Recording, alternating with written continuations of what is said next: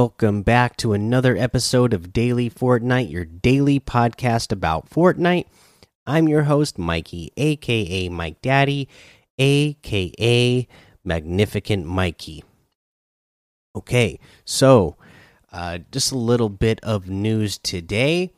Uh, first thing that I wanted to mention was the Friday night. Uh, what are they calling that again? The Friday night uh, bragging rights. Uh, they announced who the winners of those were today uh, from this past Friday. And you know what? I am loving what I am seeing because, again, like I said, you know, these Friday night bragging right nights, you know, th there's no uh, cash prize involved. And of course, I don't really know mobile players so the fact that you can go to the FN competitive Twitter page and see that they shouted out all these players again, uh, I think that's just really cool that uh, you can see these names here and there's a chance that these people could get recognized. There's i'm sure there's going to be people who go hey i want to know who these people are. Let me go check out uh, their social media, their YouTube channels, or their Twitch channels, and uh, see what they're all about. So I'm sure some of these people are going to uh, get some attention. I mean, there's a couple of names that I recognize, but for the most part, uh, when I'm looking through the list, I don't really know most of these names, which is fantastic. That's what I'm hoping these kind of nights are going to be for. Uh, that they have tournaments where people can just get noticed because uh, the Fortnite competitive scene is so huge that it's hard to even get noticed.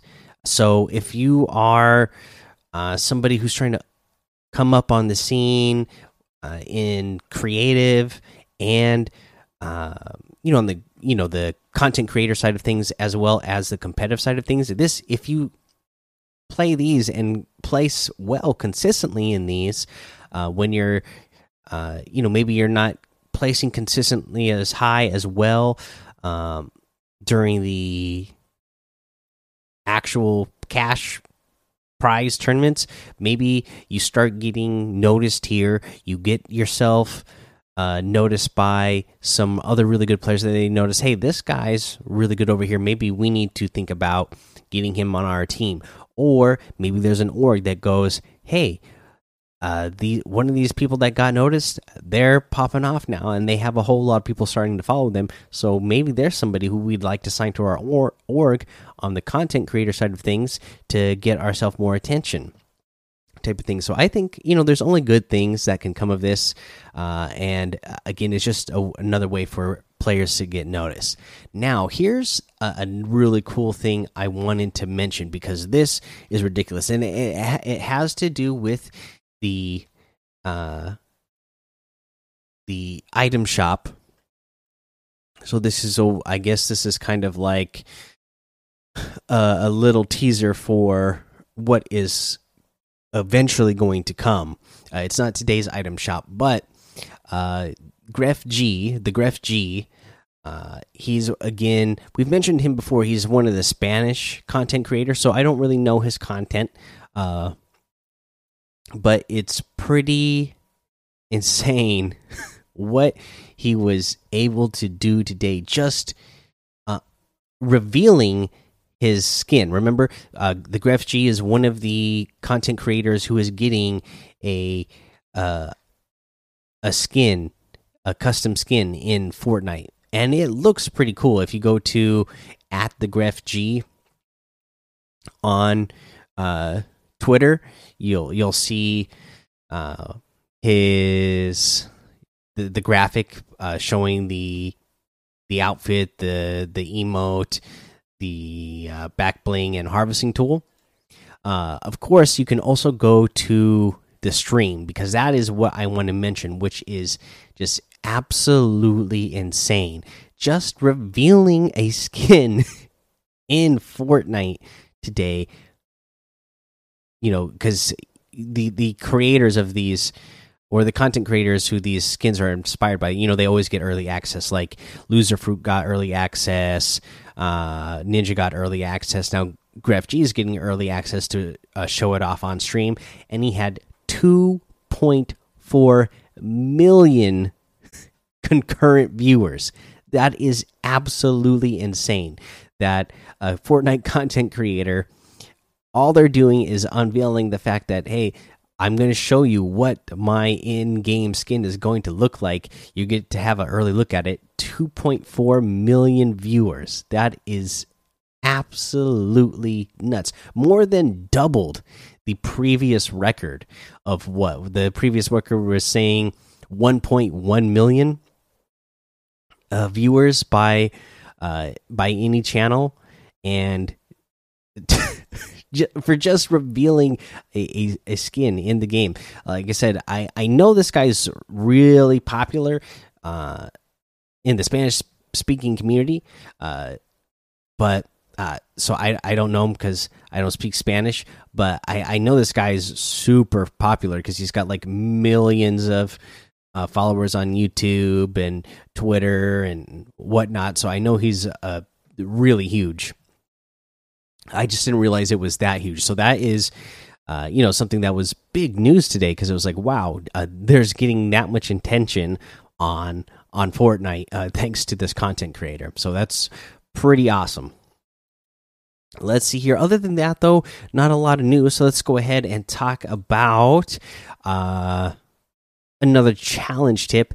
And let's go ahead and talk about destroying fishing rod barrels. You got to destroy seven of them. Uh, again, there's places where it there's going to be multiples of them in a small area, so you want to be able to break as many as you can uh, as fast as you can. And one place you can go again is out at Sweaty Sands, the dock at Sweaty Sands. There's a few barrels there.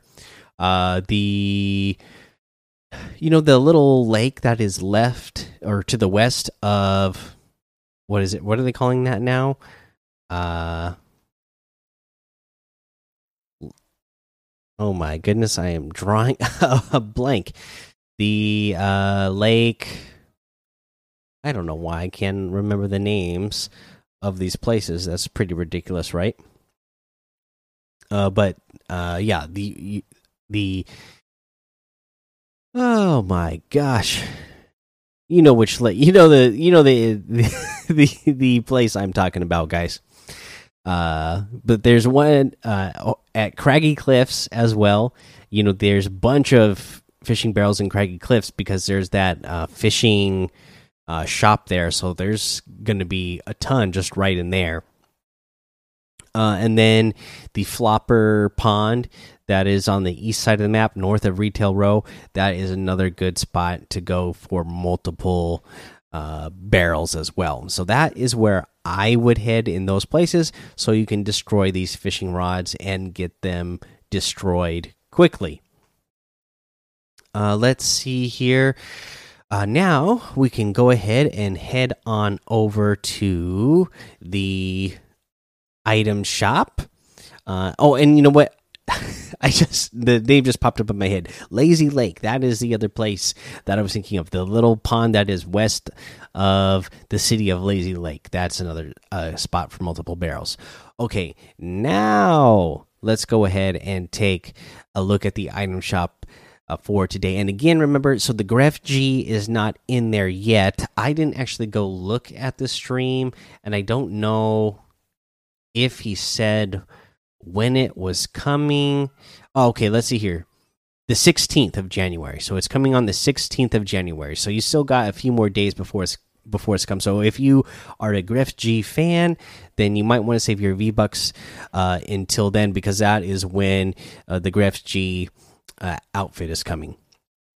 But in today's item shop, let's look what at well, let's look at what's in there today. We have the Focus e outfit with the Chuck Pack backbling for 1200, the Envoy outfit for 800, the I'm a Cat music for 200, the Ground Pound emote for 200, the Jubilation emote for 200, the Focused emote for 200, Uh, we have the Red Jade outfit for 800, the Star Flare outfit with the Universal Bloom backbling for 1,500. I really like that one.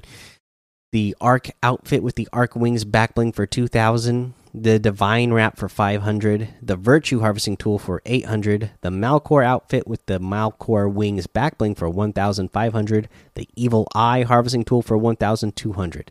And that looks like everything, guys. So you can get any and all of these items using code Mike Daddy M M M I K E D A D D Y in the item shop, and some of the proceeds will go to help support the show. Okay, now let's talk about our tip of the day.